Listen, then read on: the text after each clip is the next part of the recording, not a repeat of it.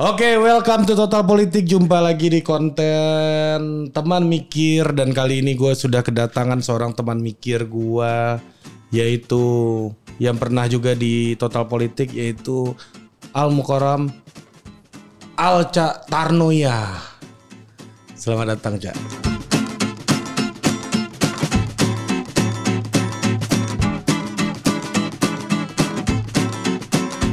Selamat datang, terima kasih Ari.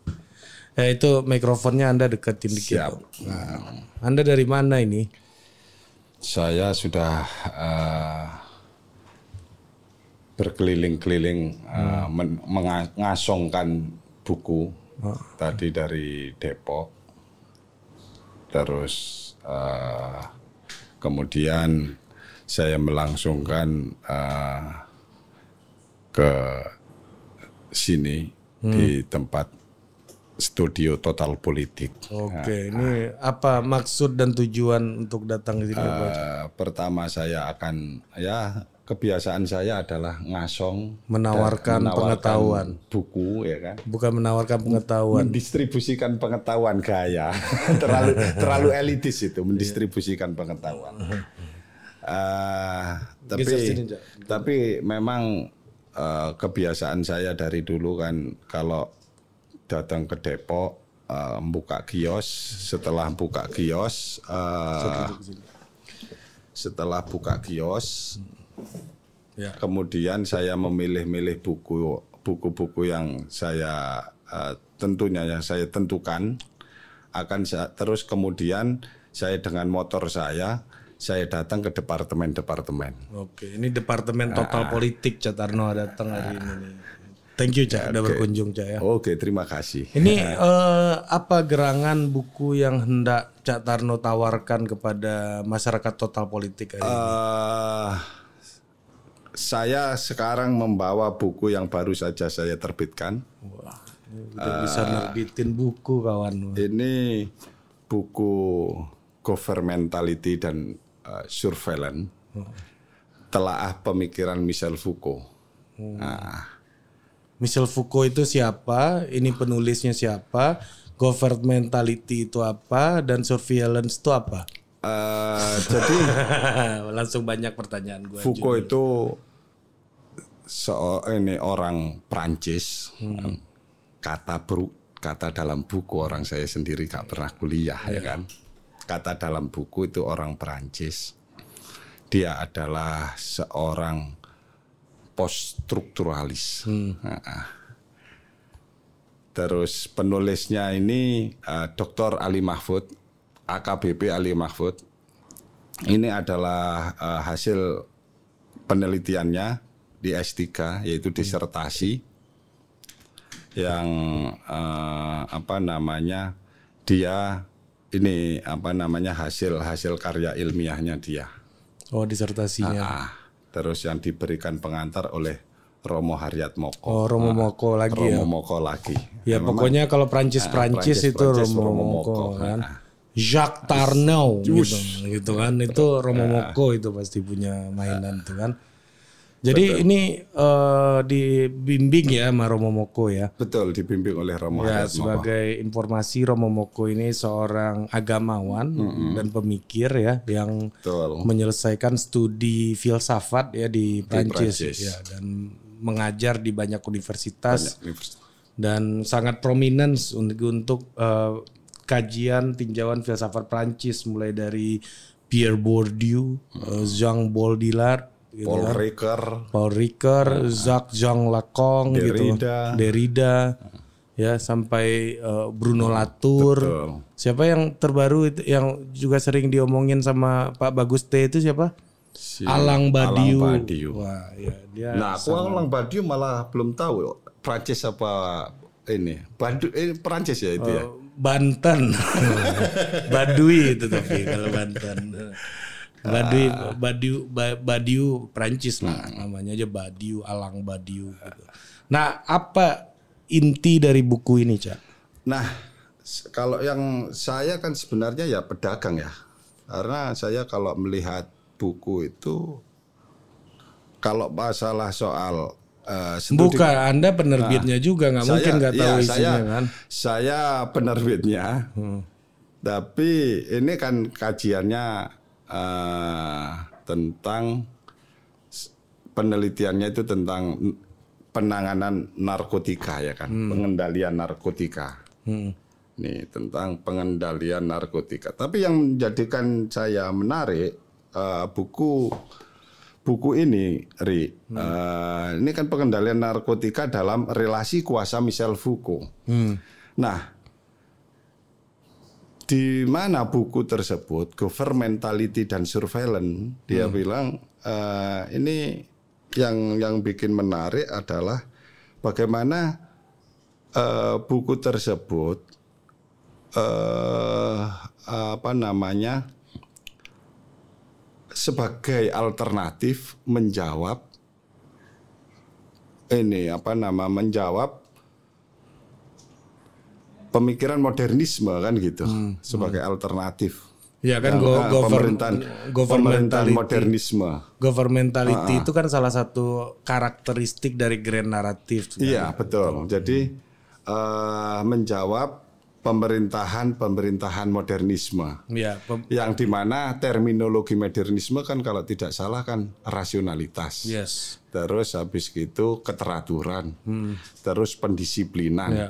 Disiplin panis. Ah, dan yang di ini yang dicapai adalah untuk mencapai kebebasan manusia kan gitu. Hmm, Kebebasan. Nah, tetapi pada akhirnya kebebasan itu sendiri kan justru memenjara diri kita. Oke. Ya kan gitu, Hmm. memenjara diri kita, kita ternyata nggak bebas dengan misalkan kecantikan tentang apa, akhirnya kita kok jadi nggak bebas aku Ya. setelah didisiplinkan bahwa orang cantik itu seperti ini seperti ini Ya, kan. gitu. jadi teratur. Nah, nah, menarik menarik dari buku-buku tersebut. Jadi narkoba itu dis- pendisiplinan berarti. Kalau harusnya orang boleh-boleh aja dong pakai narkoba. Itu gimana maksudnya? Enggak, enggak. Kalau saya, dalam- saya tidak tidak dalam studi ini tidak, gitu. Tidak tidak menjawab uh, membolehkan atau ini itu bukan sebuah jawaban yang ini juga. Hmm. Iya. Kan itu. Enggak dalam buku ini Oh. maksudnya. Kalau kalau dalam buku ini aku yang lebih suka itu kan bagaimana buku ini bisa dipakai untuk melihat eh, apa namanya banyak hal, banyak Hmm. hal sehingga mau dari eh, apa namanya misal disiplin ilmu pengetahuannya HI Hmm. juga bisa dipakai. Misalkan orang ternyata pengedar narkotika dari Transnasional. transna ini nasional ya kan gitu. Otomatis itu kan bermasalah. Nah, bagaimana itu seperti itu? Nanti akhirnya eh, diplomat juga akhirnya Harus terlibat. tangan, ikut terlibat kan gitu. Oke, oke. Ya kan itu artinya sesuatu yang nasional tetapi juga bisa internasional juga bisa mengglobal. Karena apa? Karena Foucault melihat bahwa hubungan antar negara dengan negara, relasi ini apa namanya pemerintahan dengan pemerintahan, individu dengan individu, perusahaan dengan perusahaan tidak sebatas hubungan antar relasi, tetapi di situ ada relasi kekuasaan. Ya. Governmentality Ya, tadi. ya governmentality itu. Boleh nggak gue menjelaskan dengan bahasa manusia dulu? Boleh, Ya silakan. kan? Jadi Mansur Catarno itu eh, pemikir yang namanya Michel Foucault ini adalah seorang pemikir Prancis yang punya tradisi eh, post strukturalis ya. Tradisi ini karakteristiknya adalah menggugat modernisme. Modernisme itu apa? Yaitu ukuran-ukuran baku dan ukuran-ukuran standar yang kita pahami dalam relasi sosial gitu.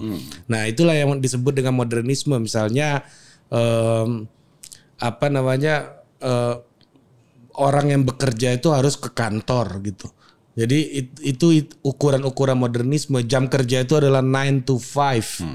Itu adalah ukuran-ukuran modernisme yang mana pemikir-pemikir post struktur strukturalis dan postmodernisme seperti Jacques Derrida juga itu menggugat itu sebagai sebuah narasi besar dan kebenaran yang absolut bahwa suku tertinggal itu harus pakai baju yang eh, rapi, pakai jas dan dalam tanda kutip harus dimodernkan gitu. Jadi itu yang mereka gugat. Nah, eh, proses modernisasi dan rasionalisasi itu itu terkait dengan governmentality ini. Seperti halnya Foucault melihat eh, apa namanya orang sakit jiwa gitu ya. Betul. Ya kan rumah sakit jiwa dan kegilaan bagi Foucault itu bukan eh, kegilaan itu bukan orang itu gila tapi itu adalah hasrat ingin tahu dari psikiatris gitu ya yang membuat orang gila ini menjadi lebih teratur dan sesuai dengan rule of the game ilmu psikiater itu yang dilegitimasi oleh institusi universitas dan lain-lain gitu. Nah itu kamu sudah menjawab itu. Ya, itu pelajaran semester 4.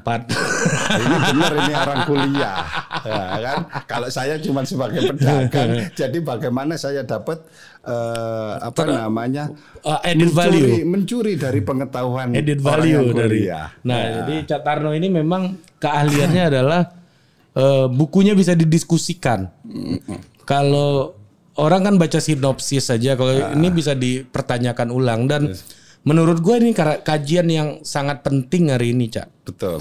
Ya, ketika kita eh, kembali misalnya eh, terpolarisasi, adanya post truth gitu ya, yang kita melihat sesuatu itu udah sesuai dengan preferensi kita, kebenaran itu gitu kan. Jadi ini menjadi salah satu alat untuk kembali memperdebatkan kebenaran sebenarnya. Betul. Nah itu makanya eh, sangat menarik, eh, sangat menarik buku ini. Artinya misalkan dengan buku yang saya mau saya tawarkan yang ini, Sisi, kan sisi, sisi 65. Ini buku buku buku Bredel nggak nih? Buku-buku terlarang nggak nih? Enggak, ini kan hasil hasil disertasi masa terlarang. Iya, ini bisa hasil aja. disertasi. Kan September nih lagi zaman-zaman razia buku, Cak. Tapi kan balik lagi begini, ya kan eh kata Norman Virklow. Gitu. Norman Virklow. Gokil kawan nih, gokil. Jadi dia bilang katanya wacana atau bahasa Hmm. di sisi sebagai alat komunikasi, di sisi lain sebagai alat kekuasaan. Iya, Dia atau- dia atau- Hmm. meletakkan itu Virklow. Nah, Foucault menjadikan bahasa sebagai relasi kekuasaan. Iya, bahasa Kan sebagai gitu. kekuasaan itu sendiri. Iya kan gitu. Iya. Hmm. Bahasa menjadi relasi kekuasaan itu sendiri kan gitu. Nah, artinya kan siapa yang menguasai bahasa itu, dia di situ akan menguasai bahasa, I mean, menguasai kekuasaan. Ya, orang yang punya kekuasaan adalah orang yang punya otoritas terhadap bahasa dan otoritas terhadap informasi. Eh, eh. Kalau sosiolog eh, Spanyol itu namanya Manuel Kessel bilang begini. The flow of knowledge, the flow of information, the flow of capital and the flow of power katanya. Jadi eh, aliran pengetahuan, aliran informasi, ya, aliran uang dan ke situ juga aliran dari kekuasaan. Ya, iya. Nah, itu tadi katanya Fou- Foucault kan Hmm. bahwa hubungan hubungan seseorang individu aja ini bukan hanya sebatas antara relasi, Hmm. tetapi di situ ada kekuasaan saling menguasai. Ya, ya. Ya termasuk isu siapa penulis eh, pembakaran buku itu siapa namanya? Fernando Baez. Baez ya ini buku menarik tuh Fernando bisa anda Baez itu pesan juga, juga- di Cak Tarno Eh, tuh. iya. masih ada nggak buku tuh Nah itu di margin kiri itu. oh ya nanti bisa nggak tahu, kontak-kontak Mas. Roni bisa, lah Bisa di eh, bisa diminta ke Roni untuk diproduksi karena sangat penting itu Iya. orang untuk membaca itu supaya bisa terbuka ya cakrawala pengetahuan. itu cerita soal Andre- Alexandria Iya, yang Alexandria dibakar Hmm. yang dibakar. Terus kenapa kalau perang selalu perpustakaannya dihancurkan? Eh, karena sumber dari kekuasaan itu ya Dan di, di Informasi itu dan juga- pengetahuan, Dan kan? di buku itu juga ada salah sa- kalau tidak salah ada ada seorang filsuf juga menganjurkan untuk menghancurkan buku. Umberto Eco eh Eh, bukan Plato juga. Plato, ya, Plato, kalau Plato. salah menganjurkan Ya. buku demi untuk melegitimasi pengetahuan yang baru kan itu. Hmm, justru lu harus move on. Move on. Lama kelamaan buku itu menjadi dogma ya.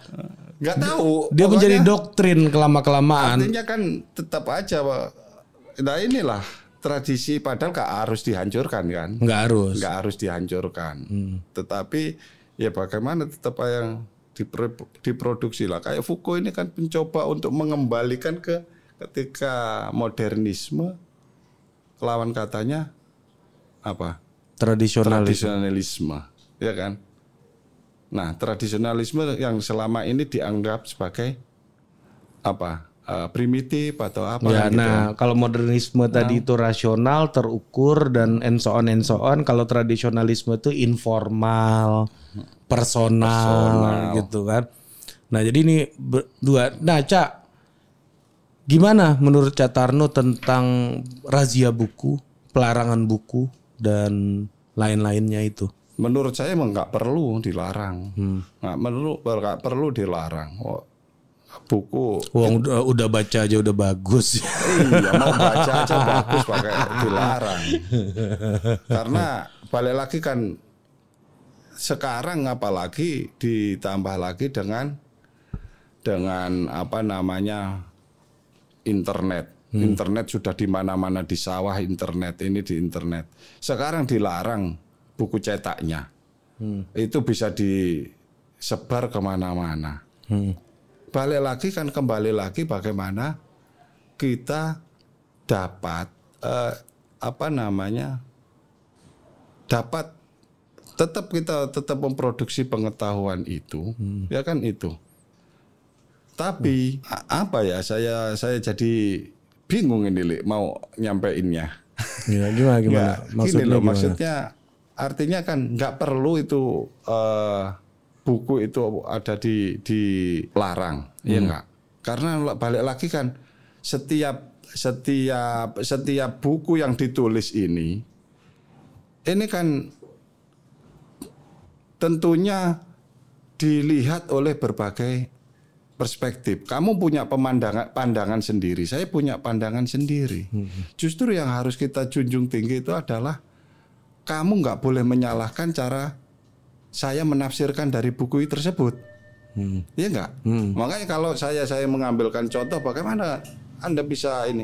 Saya mengambilkan contoh ini, saya jangan anggap ini sebagai eh, misalkan kita belum sepakati ini sebagai objek ini kita sama men- menjadikan ini sebagai objek yang dapat kita lihat ya kak apa yang kamu lihat dari sini cara pandang kamu oh warnanya kuning. Kuning. Kalau di sana merah kan. aku di sini ngelihat warnanya merah. Ada tulisannya kekerasan budaya. Oh, kalau sini nggak kan ada gitu nggak ada tulisannya. Artinya dengan itu objek yang sama tetapi ketika kita mempunyai paradigma yang berbeda tentunya hasilnya juga berbeda. Nah kita tidak boleh menyalahkan cara pandang kamu kamu juga tidak boleh menyalahkan cara pandang saya yang harus kita junjung adalah nilai toleransi dan bagaimana cara pandang tersebut itu dapat bisa kita terima Hmm. dapat bisa kita terima yang tetap kita meng- menghargai dan saling bisa menghargai. Iya dan Nah, dan di semester 1 itu kita belajar di sosiologi dulu di UI itu pelajarannya adalah sociology is the multiple paradigm science. Artinya apa itu? Sosiologi adalah ilmu yang berparadigma ganda. Nah, Kamu punya oh paradigma, itu Josh aku Ritzer punya itu. iya. Aku iya. hafal jur ini. Jo, kalau- kalau dia jadi dagangan hafal tuh. Ah, judulnya di situ, Josh Ritzer itu. Nah, Iya, sosiologi apa ilmu Berparadigma ganda. berparadigma ganda. Nah, Bukan nggak pakai artinya upaya kan? Setiap orang itu mempunyai perspektifnya masing-masing, jadi tidak perlu mengkafir-kafirkan, Iya. ya kan? Hmm, Tapi logika lu diuji boleh. Boleh. Itu bagian dari akuntabilitas dari ilmu pengetahuan. Iya, karena ilmu pengetahuan itu tidak ada ya, menurut saya nih ya, menurut saya ilmu pengetahuan itu tidak ada yang sifatnya ajek. Hmm. Ilmu pengetahuan itu seperti puzzle. Kenapa seperti puzzle lah? Ketika puzzle yang ini dan puzzle itu tidak akan pernah penuh selama manusia masih hidup. Berarti tindakan merazia buku, membakar buku itu adalah sebuah upaya untuk menanamkan cara pandang yang ajak dari pihak yang berkuasa dong. Ya itu Pihak yang berkuasa siapa pun ya, misalnya kerajaan zaman dulu atau perang atau apa pun lah namanya, bukan ya bukan pemerintahan Indonesia juga karena sekarang di Indonesia peraturannya adalah buku boleh dirazia melalui putusan pengadilan. Jadi harus pengadilan betul dulu. Pak, harus pengadilan dulu. Ya, kalau di Indonesia udah Ah, kayak gitu aturannya ah, sekarang. Itu kan kalau sudah ini pengadilan memang pengadilan misal menentukan ini ya udahlah kita percaya ini kita Ya, hormati kita hasil, hormati itu ya. hasil hukum itu kan ya, gitu. kalau di Indonesia udah kayak gitu. Nah, maksud gue ini eh, kalau dari bukunya base itu kan eh, soal eh, Alexandria dibakar, perpustakaannya. Ini kan ada kekuasaan yang menginvasi yang datang dan menghapuskan jejak pengetahuan sehingga pengetahuannya lah yang yang bisa dipakai untuk menjadi acuan kebenaran begitu kan? Iya. Ya itu itu Kak, saya dulu pernah pernah ya waktu di diundang oleh Profes almarhum ya mendiang Sarlito itu kan. Saya kan bilang gini. Dia bilang nanya gini. "Ah, anda karena saya bilang saya sebelumnya kan saya nyampein Cak Tarno bukanlah CTI.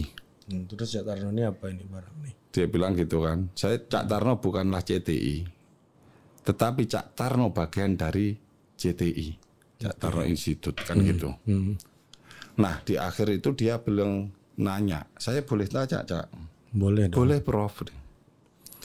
Tadi Anda mengatakan Cak Tarno bukanlah Cak Tarno Institute.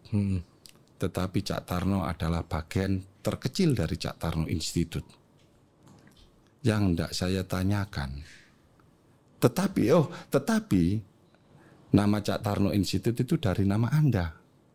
Hmm. Kan gitu. Yang hendak saya tanyakan, lantas siapa Cak Tarno Institute itu? Kemudian saya jawab, mohon maaf Prof, kalau saya boleh jawab. Boleh dong. Cak Tarno Institute itu adalah ilmu pengetahuan itu sendiri. Gokil. Jadi saya bilang begitu. Kenapa? Karena Cak Tarno Institute itu adalah sebuah himpunan yang di mana berkumpulnya orang-orang yang haus atas ilmu pengetahuan, walaupun hakikat ilmu pengetahuan tidak pernah kita dapatkan.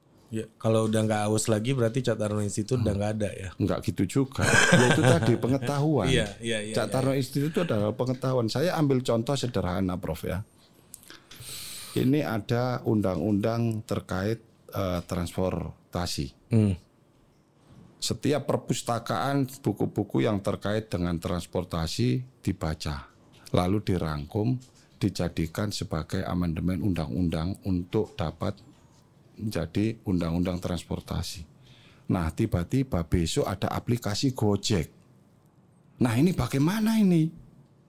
Yang mana di buku-buku ini belum Bu- belum, ada. masuk. Ya. Di undang-undang itu belum masuk dan di buku juga belum masuk. Hmm.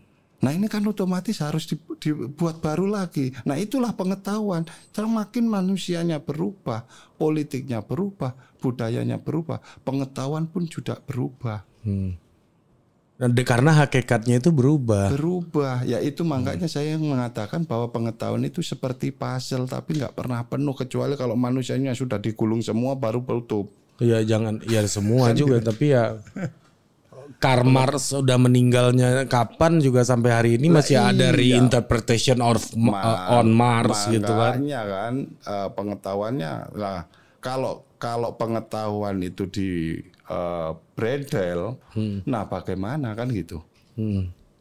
Ini pasti ada akan ada pengetahuan Pak. Ya. Ini ceritanya soal apa nih Cak buku ini? Oh, Ini beliau ini disertasi juga nih itu ya disertasi di, Australia. Australia. ya.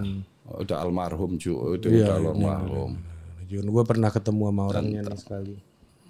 Beberapa kali lah diskusi Nah, gitu. yang, ini buku yang hangat. Buku yang Ini hangat baru. ini. Ini buku yang hangat. Minimal ini jadi ini eh, saya suka ini ya. Ini menjadi model. Ya. ini- mau jadi mau culture studies ya kan, mau jadi par- eh, apa itu paradigm culture studies, mau jadi ini sosiologi, kriminologi atau Iya, HI, sosiologi juga bisa. Ini semua semua Ah, jadi disiplin bisa. nih kayaknya nih buku nih hebat banget nih Pak polisi ini nulis ya. Dia dasar ini. Keren nih. Sebenarnya paling ya, yang ini ya. Ini yang bahaya ini Romo Moko ini. Ini, Iya, Moko tapi ini sangat relevan loh untuk dasar. menjawab persoalan hari ini itu soal uh, order, soal misalnya eh, yang baru-baru terjadi soal Nah, ini gitu nih, misalnya. Ini ya, yang di sini nih. Nah, kau Pak kamu kamu ini ya. Kamu yang baca bahasa Inggris aku nggak ngerti aku. Coba coba coba coba mana? Nah, ya. Ya gitulah Cak Tarno ini kan. Masa harusnya kalau dulu Majapahit berkuasa di dunia dan nggak mau tergantikan, Cak. Itu semua buku bahasa Mojokerto, Cak. Governmentalitas sebagai produk kekuasaan. Governmentalitas sangat penting dewasa ini karena pemerintahan sedang mengalami krisis. Krisis. Khususnya memasuki abad ke-21.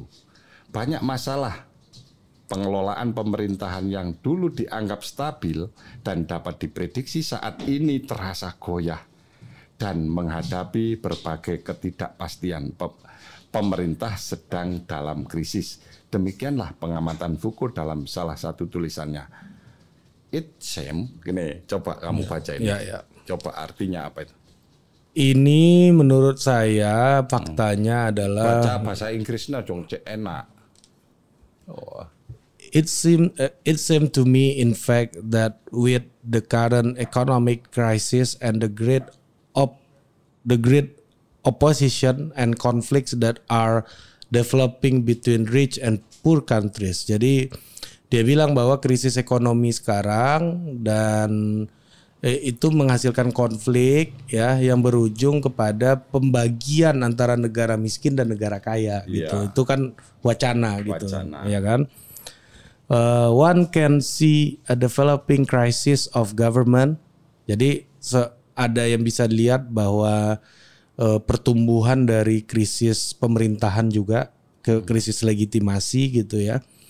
Uh, by government, I mean uh, the set of institution and practices from administration to education through which people's conduct is guided. This set of procedures, techniques, and methods that ensure that government of some people by other appears to me to be in crisis now. We are perhaps at the begin the beginning of a great crisis of uh, revelation of the problem of government.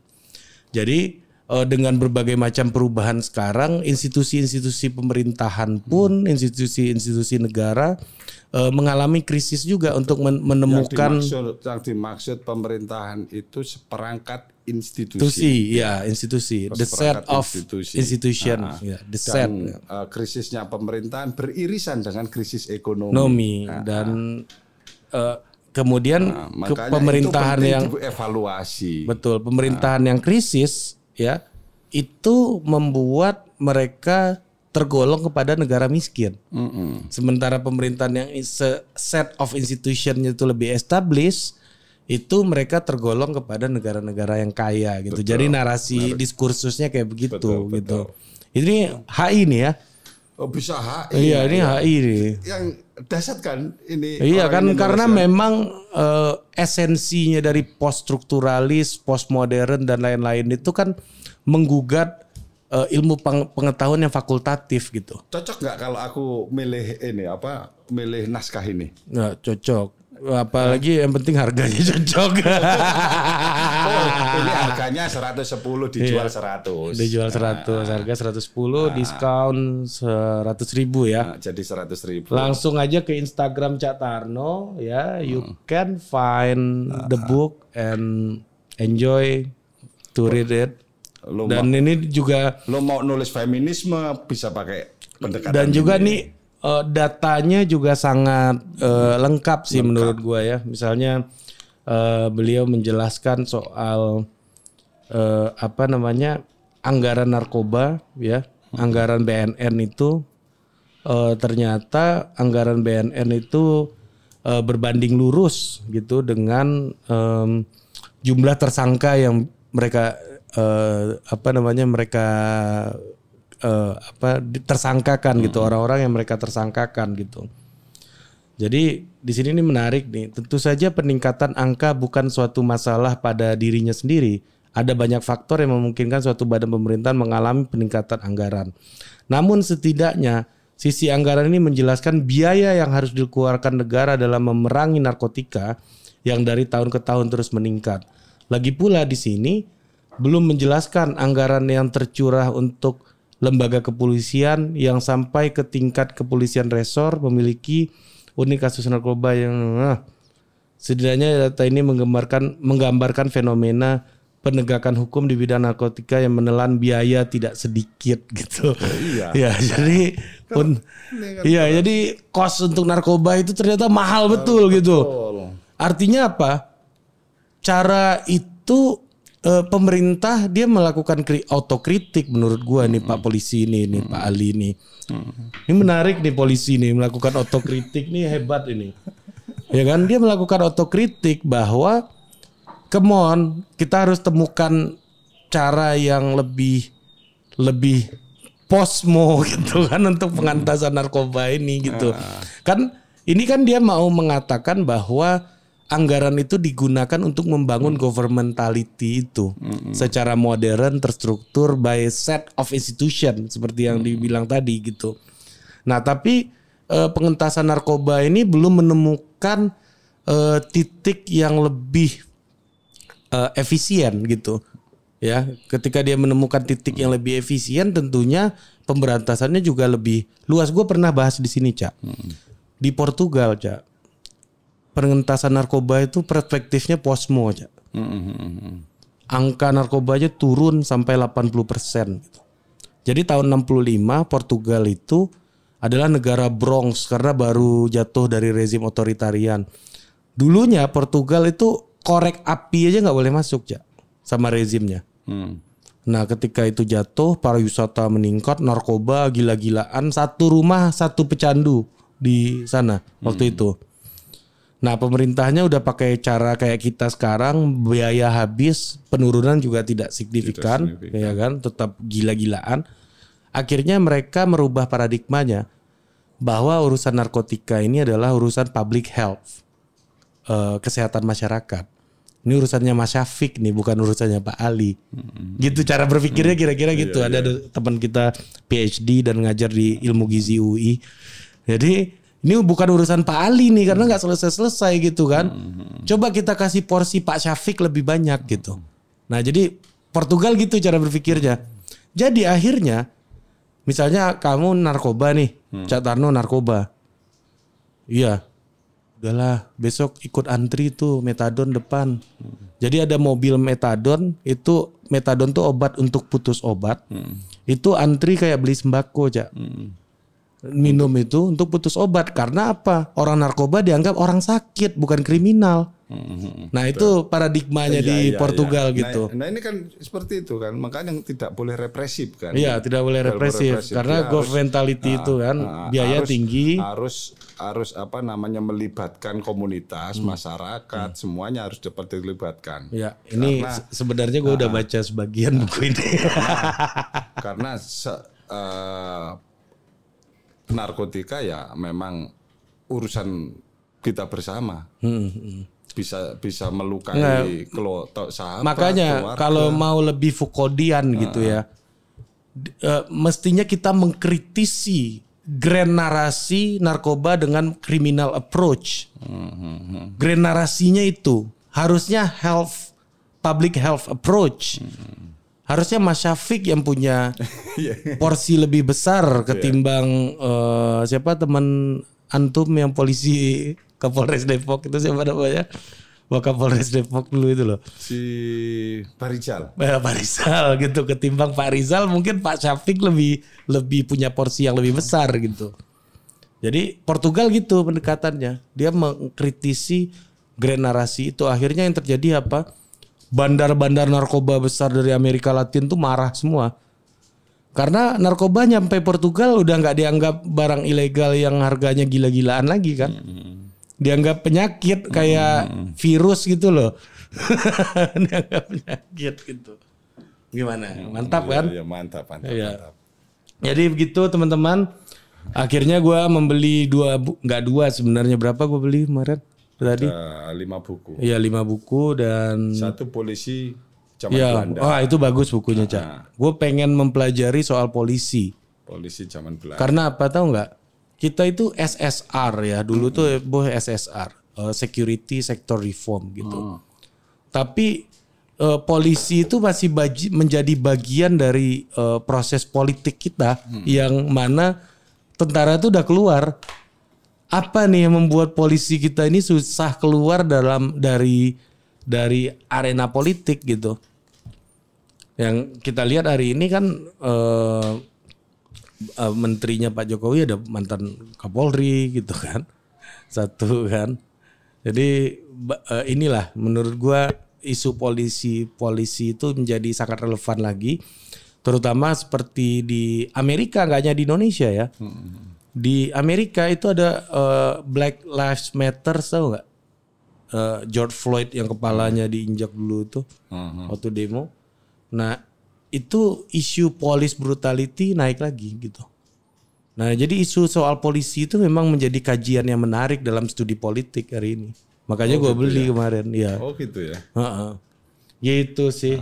Udah cukup lama kita ngobrol nih. Cak ada pesan-pesan buat teman-teman masyarakat total politik. Mau jual buku, mau pesan buku, mau pesan kehidupan, pesan pengetahuan dan pesan orasi moral ya terserah lu, Cak. Silakan. Eh, pesan saya tetaplah membaca, ya kan.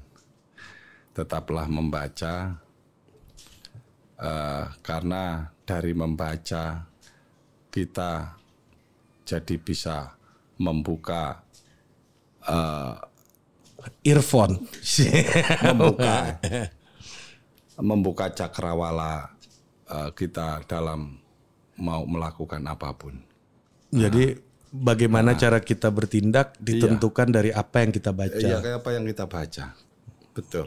Semuanya kita harus kembalilah kita membaca, kembali ke membaca. Kalau mau butuh bukunya bisa hubungin Cak Tarno. Cak Tarno ini kerja peradaban satu membangun peradaban. Kedua, lu ini nih Cak, menurut gua yakin nih langkah lu ke surga itu dekat Cak.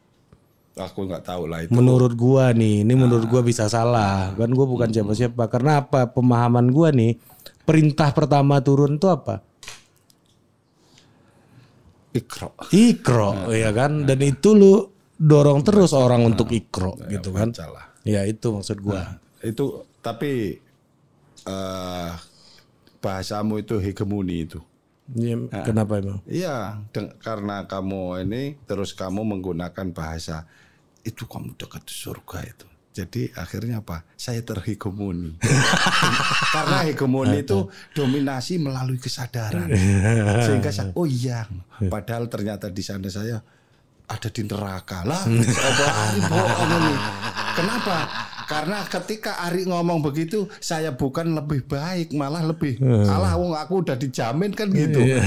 Jadi biarlah itu kalau masalah soal surga atau neraka itu biarkan hak hak yang mempunyai surga. Iya, iya, iya. Itu pasti itu. Itu hak yang punya surga. Ini kan gua mau bilang pekerjaan lu ini surgawi gitu loh. Poin gua itu. Amin, amin. Jadi me- me- mendorong orang untuk menjalankan perintah Tuhan gitu loh, Cak. betul, Maksud gua. betul. Iya, Poinnya iya, iya. itu. Betul. Nah, Iya kan? tetaplah eh, kalau Al Ghazali ya, Oh, betul. kalau kau bukan anak raja, menulislah agar tulisanmu itu akan hidup selama-lamanya, kan gitu. Iya. Kalau membaca Ya sama, ya, nulis otomatis kan otomatis kalau membaca, menulis itu membaca adalah menabung kosakata, lalu kosakata itu dituangkan di dalam tulisan. Oke, mantap. Iya, Oke, buat Mas Topo yang ingin beli buku langsung aja ke Instagram Cak Tarno, lu ketik Cak Tarno langsung ketemu tuh di Instagram. Kalau Pak Tarno tuh yang pesulap. Oke Cak, thank you untuk hari ini. Sampai Oke, jumpa lagi kasih. di Total Politik Ari, berikutnya. Dah. Yuk, dah.